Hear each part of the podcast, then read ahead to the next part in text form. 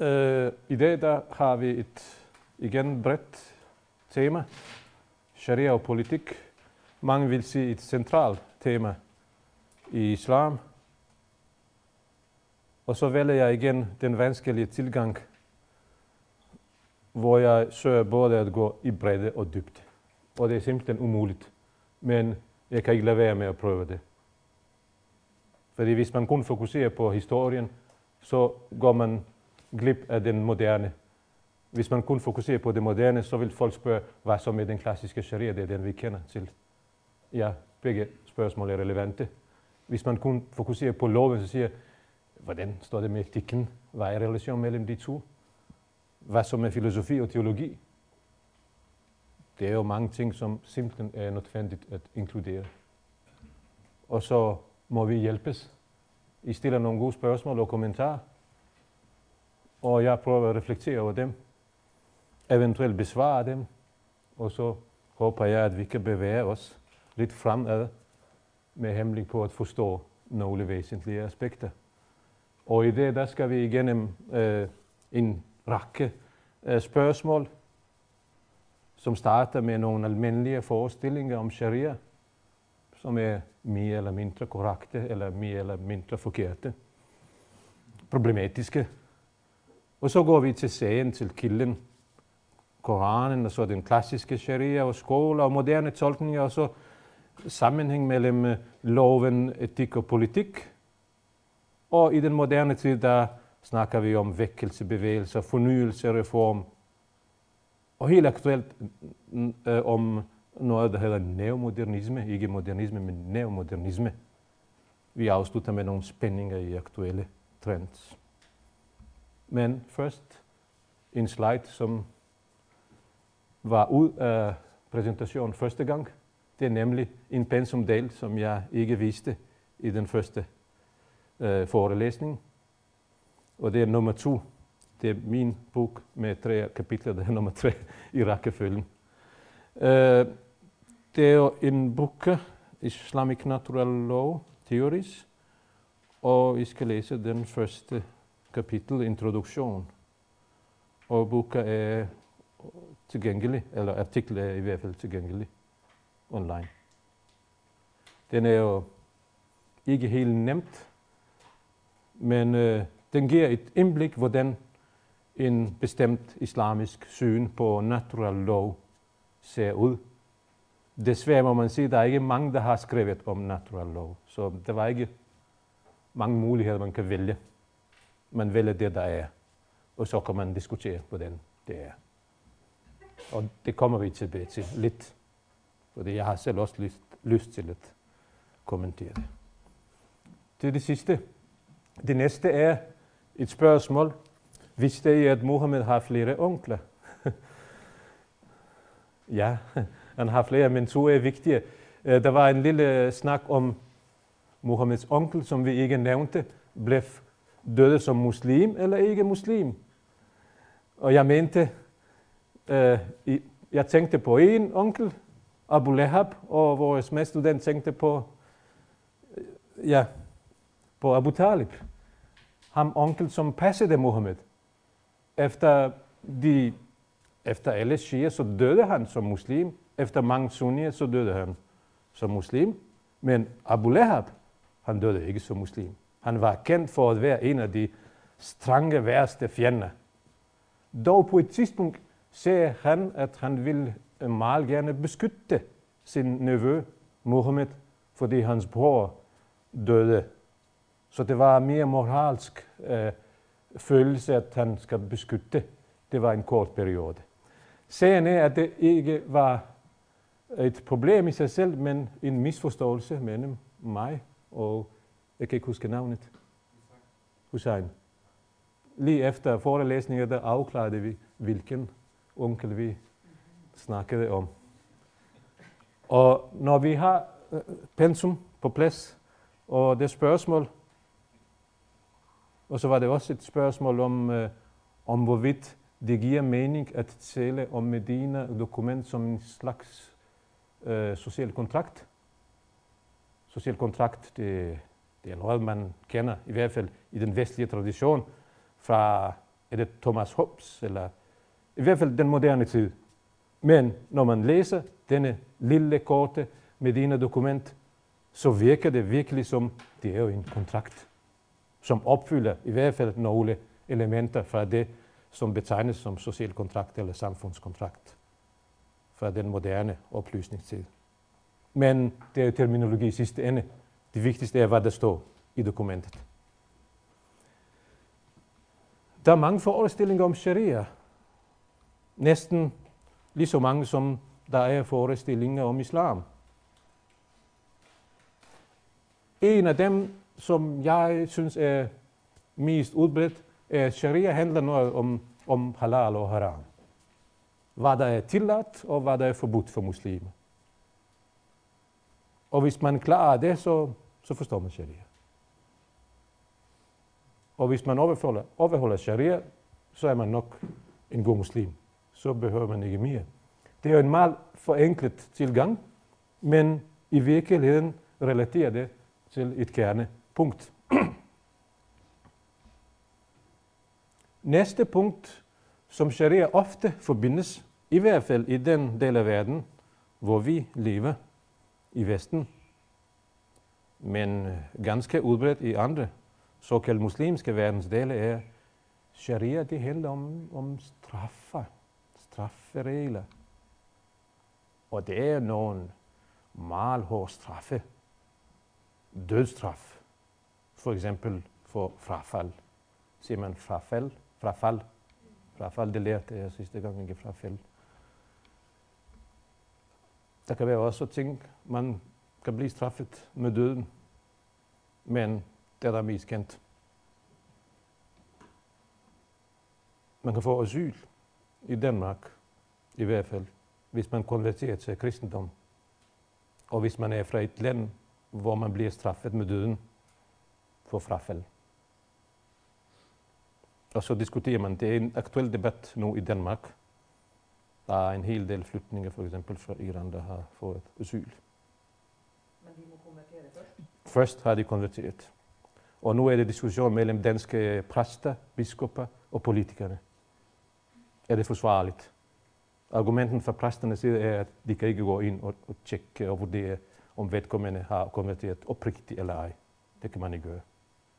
Men bare et spørgsmål, som er relevant i, som sagt, i, i vores øh, lande og i forbindelse med det aktuelle flytningestrøm. Stening er også en straf, man snakker jo meget. Altså stening til døden, for hår, bare for at være præcis for dem, der er gift, og piskning for dem, som er ugift. Håndsafhugning for tyveri, Piskning for alkoholindtagelse.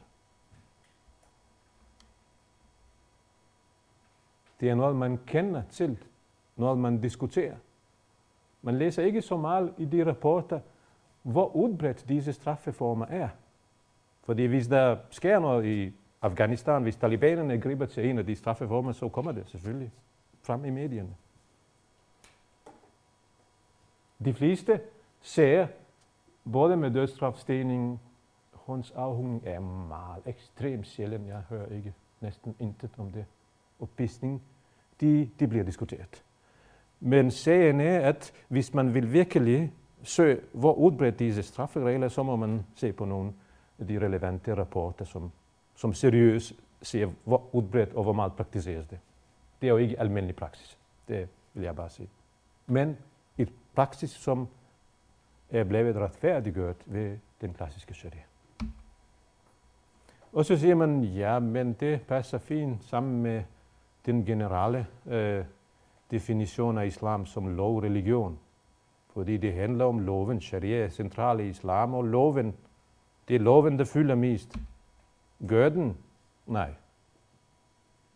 Af de 6.235, nogen vil sige, det er ikke 35, det er 65 eller 50. Det er ikke afgørende. Det er en øh, af uh, måder at regne, hvor mange verser i Koran er.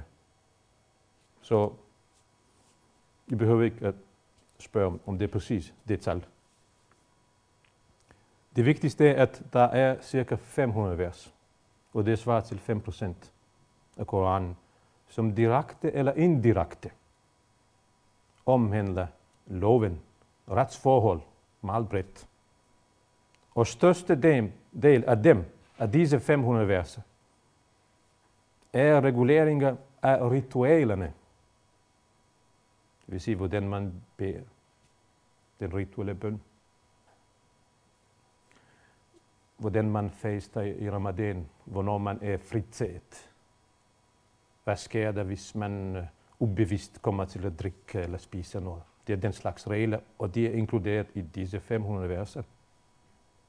17 af disse verser omhandler familieforhold, 17 politiske rettigheder og 30 straffelov. Jeg har markeret det med rødt. 30 ud af 6.235 er lidt, virkelig lidt. Og så prøver man at bygge et helt system på de 30 straffelov. Lidt vanskeligt, men det er det, der skete i visse historiske perioder. Og så det næste spørgsmål, som man diskuterer her, er, hvad ønsker muslimerne egentlig i Vesten? De foretrækker sharia-lovgivning. For det første står det ikke helt klart, hvad, hvad vil det sige, at, at man ønsker sharia? Fordi sharia kan være mere noget etisk, eller sharia i en moderne form, som udelukkende relaterer til familie, sager, eller ønsker de virkelig en, en klassisk sharia? Men uanset hvad, dem der ønsker sharia, så er det forskellige rapporter. Jeg henviser ikke til nogen bestemte, fordi i nogle af rapporterne står der, at der er cirka 10 procent af muslimer i Vesten, der foretrækker sharia, og i andre står der cirka 40 procent. Så det er et åbent spørgsmål. Både hvor mange af de vestlige muslimer foretrækker sharia, og hvad de øh, tænker egentlig ved sharia. Så alle disse spørgsmål er, som I kan se, til diskussion. Åbne. Men vi må starte øh, med noget, som er mere håndgribeligt. Hvad siger egentlig Koranen om sharia? Ja. Først, hvad selve begrebet sharia betyder. Etymologisk betyder det vej, eller vejen til kilden.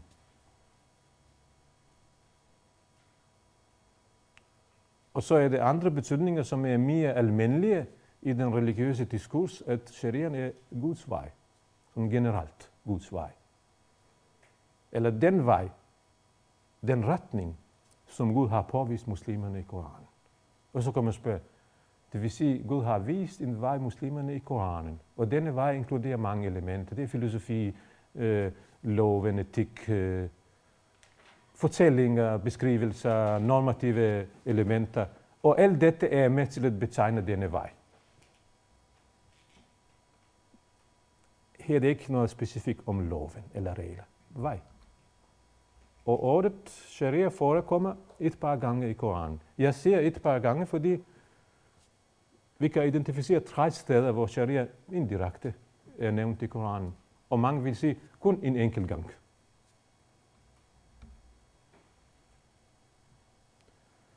Jeg beklager, det er igen uh, citater fra dansk oversættelse. Jeg har tjekket den norske, og så må jeg sige, at jeg foretrækker den danske, fordi den giver en pointe, som jeg ønsker frem. Alle oversættelser er en slags fortolkning, og så kan man vælge, hvilken en synes er mest korrekt, eller hvilken en, der passer bedst i en kontekst. Og der mener jeg, at den danske oversættelse er en det er ikke en muslim, men en, en anerkendt øh, øh, oversætter, og oversættelse er anerkendt, hvor det bliver muslimer. Ellen Wolf, som giver denne oversættelse. Det står, derpå satte vi dig på en bestemt vej, shariatin, angående scenen, og følg den. Følg ikke lystene hos dem, der ingen viden har. Hvad kan man så konkludere derfra? At Gud har sat Mohammed på en bestemt vej. Angående sagen. Hvad er sagen? Det kan så diskuteres. Sagen er monoteisme, sagen er opgør med politisme, sagen er at være troværdig, sagen er at efterfølge Abraham, sagen er lidt bredt. Og så står der, at man skal følge denne vej, og ikke lystene hos dem, som ingen viden har. Hvem er dem, som ingen viden har? Det er de uvidende. En betegnelse for hele den tid, øh, og folkekultur eller, eller situation, som Mohammed er født i, er jahiliyat, det vil sige uvidenhed tid. Det er dem, som ingen viden har. I hvert fald ingen viden om øh, religion. En fornuftig og moralsk vej. Det var sådan en foreløbig konklusion om den vej. Næste, der står i, i Koranen om sharia, er, for hver og en af jer, det betyder for hver og en af deri, ikke? har vi sat en retning og en vej. Shar. Hvis Gud havde villet, havde han gjort jer til et fællesskab.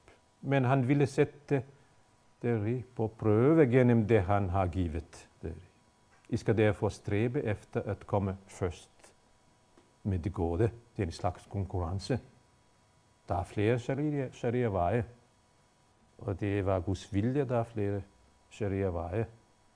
Og selv dem, der står meget stærk for, at der er en rigtig sharia, må anerkende efter Koran, der må være også andre sharia-veje. Og ikke bare der må være, men de er lige så legitime. Og derfor har man i hele den klassiske islam været, været relativt tolerante over for andre måder at tolke sharia, og derfor har man forskellige sharia-skoler, netop på grund af den slags værd, som indikerer, at der er flere måder at tolke sharia på. Og nu betyder det noget mere. Det er ikke bare intern. Der tænkes faktisk på forskellige folkeslag og forskellige grupper eller er blevet sat på en sharia. Moses bragte en sharia, Jesus bragte en sharia, en vej.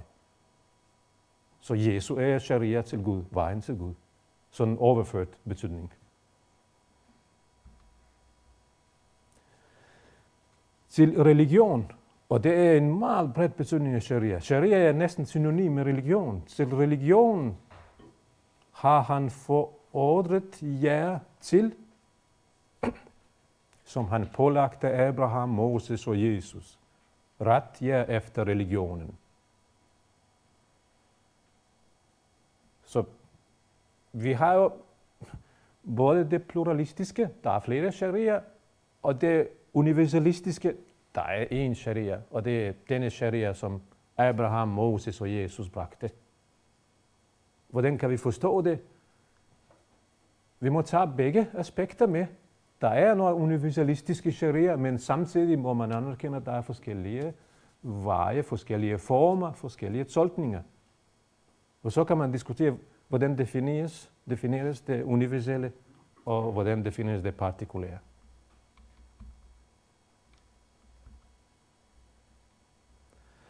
Uh, vi kan komme tilbage til... Uh. Vi bevæger os i historien, hvor muslimerne udvikler et videnskab om sharia-tolkning. Og denne videnskab er kendt som fiqh, retvidenskab. Hvad er fik? Eller hvad er den islamiske eller muslimske retvidenskab? Menneskets forsøg på at forstå sharia som en guddommelig religiøs moralsk vejledning – og forsøge at udforme en tilsvarende lovsystem. Fordi fik betyder at forstå.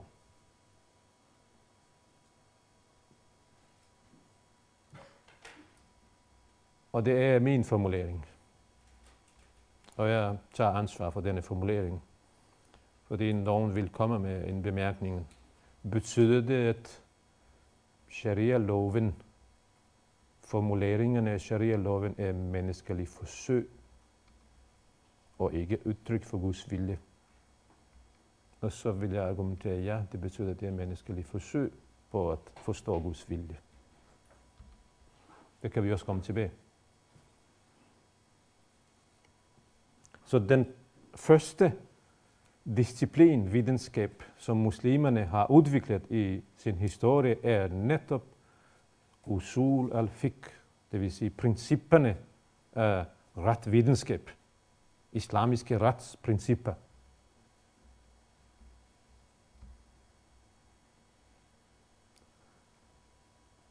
Og nu kan man se de klassiske sharia-værker. Der er en hel del, som er tilgængelige i vores biblioteker. Og hvis man åbner, eller hvis man slår op i disse bøger for at se, hvad handler disse bøger egentlig, så kan man læse, at de første 10, 7 kapitler handler om akida, trosartikler. Og det er det rituelle, som jeg nævnte tidligere bøn, fast, eh, pilgrimsfærd og andre elementer.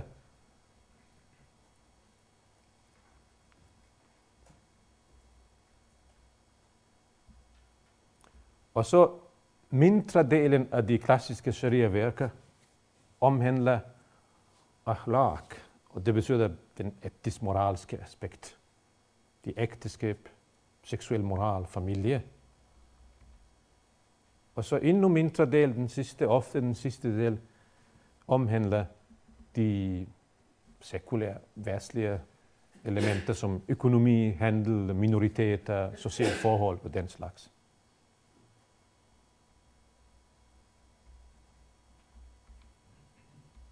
Så det er indhold af de øh, videnskaber, de discipliner, som muslimerne udviklede i starten. Og der kan man skelne mellem sharia i teori og sharia i praksis. Fordi man formulerede en teori, men i praksis var det ofte nødvendigt, at man enten uh, denne teori, tilpassede den, eller supplerede den med andre ting. Så vi har en ideal, en normativ regelsæt, det vil sige lovbestemmelser formuleret ud fra guddommelig vejledning, og her tager man Koranen som guddommelig vejledning, men vi har også en lov i praksis. Og denne lov fungerer som, som en sæt, et system, der omfatter to elementer. Denne ideelle lov og plus lokale lovtraditioner, det vil sige fik og kanon. Og kanon er ofte noget sekulært, eller noget, som eksisterer i et område. For eksempel hele den osmaniske styre havde en sharia-system, som havde konstant to elementer, den klassiske sharia og plus den osmaniske kanon. Og så har man de ad hoc juridiske erklæringer og løsninger, fatwa, om enkelte spørgsmål. Og det er så de sharia lærte, eller dem, som er bemyndigede at udgive en juridisk erklæring er det vanskeligt at se den sidste linje. Ja, jeg kan bare tænke for næste gang, og så skærer jeg. Så ser jeg ikke den sidste del. Nej, jeg vil overføre det til næste slide selvfølgelig, hvis, hvis det er lidt vanskeligt at, at følge. Og disse fatwa, det er jo meget relevant igen i den vestlige kontekst, fordi vi har aldrig haft uh, sharia-system i de vestlige lande. Og der er så mange nye spørgsmål, som slet ikke er behandlet i, i værker, og derfor har man behov for at have et svar, et kompetent svar angående en sharia-spørgsmål, og der spørger man de forskellige muftier. Nogle af dem sidder i muslimske lande, i Katar for eksempel, Ægypten. Andre er i Vesteuropa, og man risikerer at få meget forskellige svar. Og man risikerer også at få meget forskellige svar fra en og den samme person. Og det kan være meget kontroversielle udtalelser. Den mest kendte person, som udgiver disse fatwa, både for muslimer i den muslimske del og i den vestlige del, og nu tænker jeg på sunni-muslimer, det er Yusuf al-Qardawi. Nogle, uh, jeg har hørt navnet, den gamle egyptisk fødte, lært salafistisk muslimbraderskab orienteret. Og han udgav to meget forskellige kontroversielle fatwa. Den ene var i 90'erne, hvor han retfærdiggørte selvmordsaktioner i palæstinensisk kamp mod Jerusalem. Han mødte meget kritik fra omverdenen. Og den anden fatwa, som han udgav, var i 2001, efter det, skete i USA, hvor han legitimerer deltagelse af muslimske soldater i USA's kamp i Afghanistan. Og han siger, det må være en prioritet, at muslimerne må forsvare nationale interesser af USA. Og der blev han meget kritiseret fra andre muslimer, siger, du legitimerer Bushs politik. Jeg vil bare sige, en og samme person kan udgive to juridiske erklæringer, som ikke er bindende, de har ikke en lovstatus, men de fungerer som en officiel vejledning, som kan være problematisk. Tilbage til den klassiske. Her behøver jeg ikke huske, hvor mange skoler der er, hvor de er udbredte. Det er bare et billede, en idé, at inden for islamisk verden i den klassiske tid har der været forskellige sharia-skoler, og de har fungeret i forskellige områder.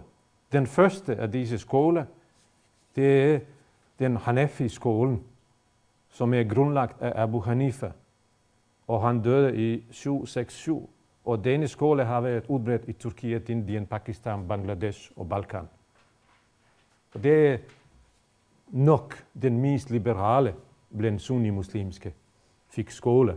Hvis der er nogen, som er muslim og tilhører Maliki skole, så kan man også sige, nej, det er ikke Hanefi, det er nok Maliki skole, der er mere liberal, fordi de tager hensyn til det lokale. Ja, så man kan altid diskutere. Og det er igen min formulering. Og ikke fordi, at jeg selv tilhører denne skole, men ja,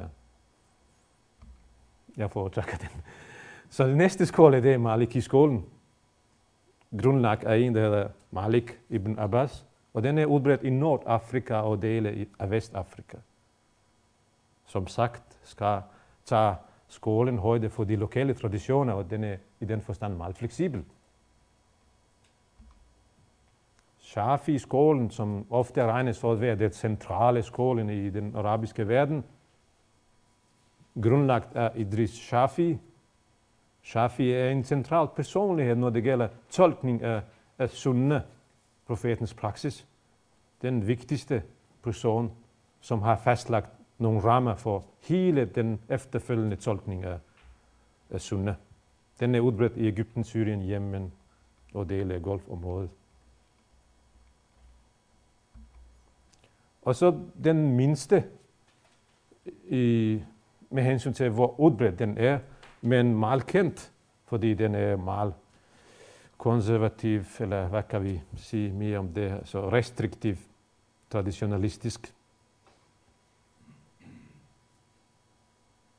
Oprindeligt formuleret i Baghdad, og det er Ibn Hanbal,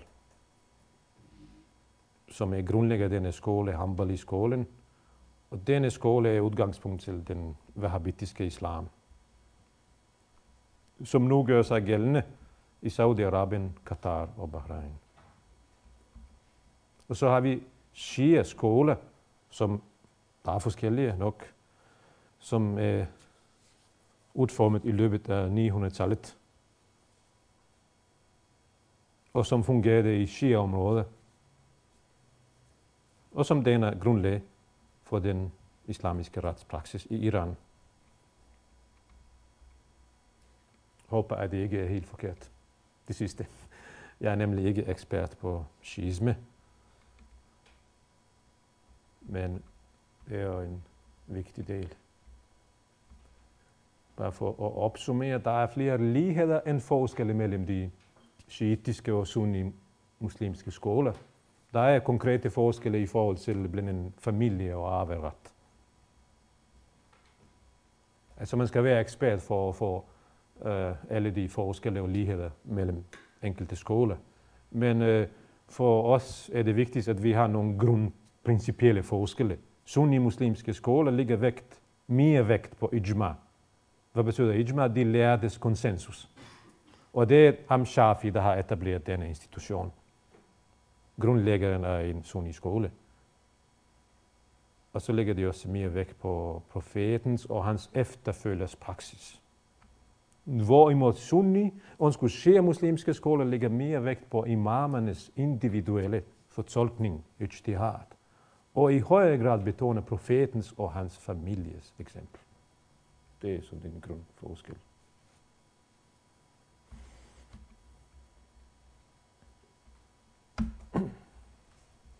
Når det gælder moderne tolkninger, eller man siger ikke norsk fortolkning, det er ofte på dansk, og så veksler jeg lidt tolkning og fortolkning. Håber, det er forvirrende. Det betyder det samme. Salafir, et begreb, som man kender til. Salaf betyder forfædrene, som inkluderer profetens følge, det vil sige dem, der var disciplerne samtidig med profeten, og de tre første generationer. Det er en moderne bevægelse, som har proklameret kravet tilbage til rødderne. Og tilbage til rødderne betyder tilbage til Koranen og tilbage til de første generationer, som var troværdige. Og alle andre var ikke troværdige. Og hvem er de andre? De, disse skoler er inkluderet faktisk i de andre. De er ikke fra den tid fra den første tid. Så faktisk alle skoler er ekskluderet. Hvad ønsker Salafi at gå direkte til den autentiske sharia? Der er bare et problem, fordi i den tid sharia eksisterer ikke. Der er nemlig påvist, at hverken profeten og de første kalifer har brugt begrebet sharia som retssystem. Så det er jo lidt vanskeligt at gå tilbage til noget, som ikke eksisterer. Hvis, det, hvis, hvis man tænker på sharia. Man kan sagtens gå tilbage til Koranen, men et sharia-system i den tid eksisterer ikke. Man må være meget kreativ for at opfinde den.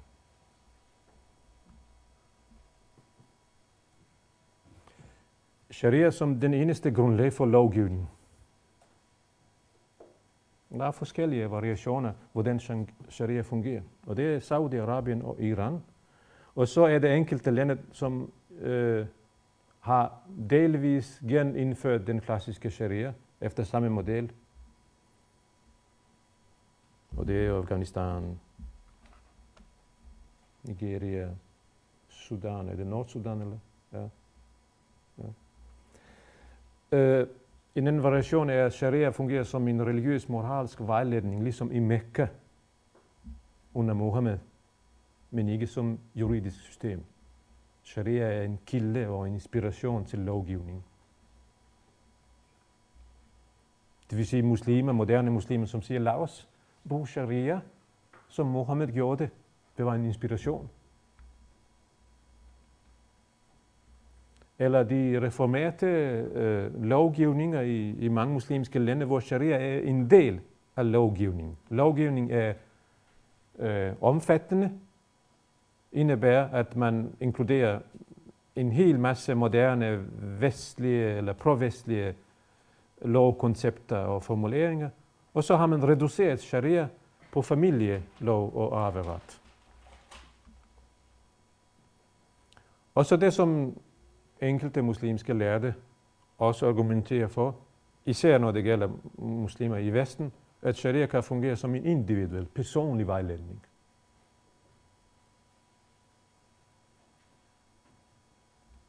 Man kan sige, kan man have en personlig lov? Um, ikke en lov, men sharia ikke bare lov. Det er jo en mere etisk religiøs vejledning.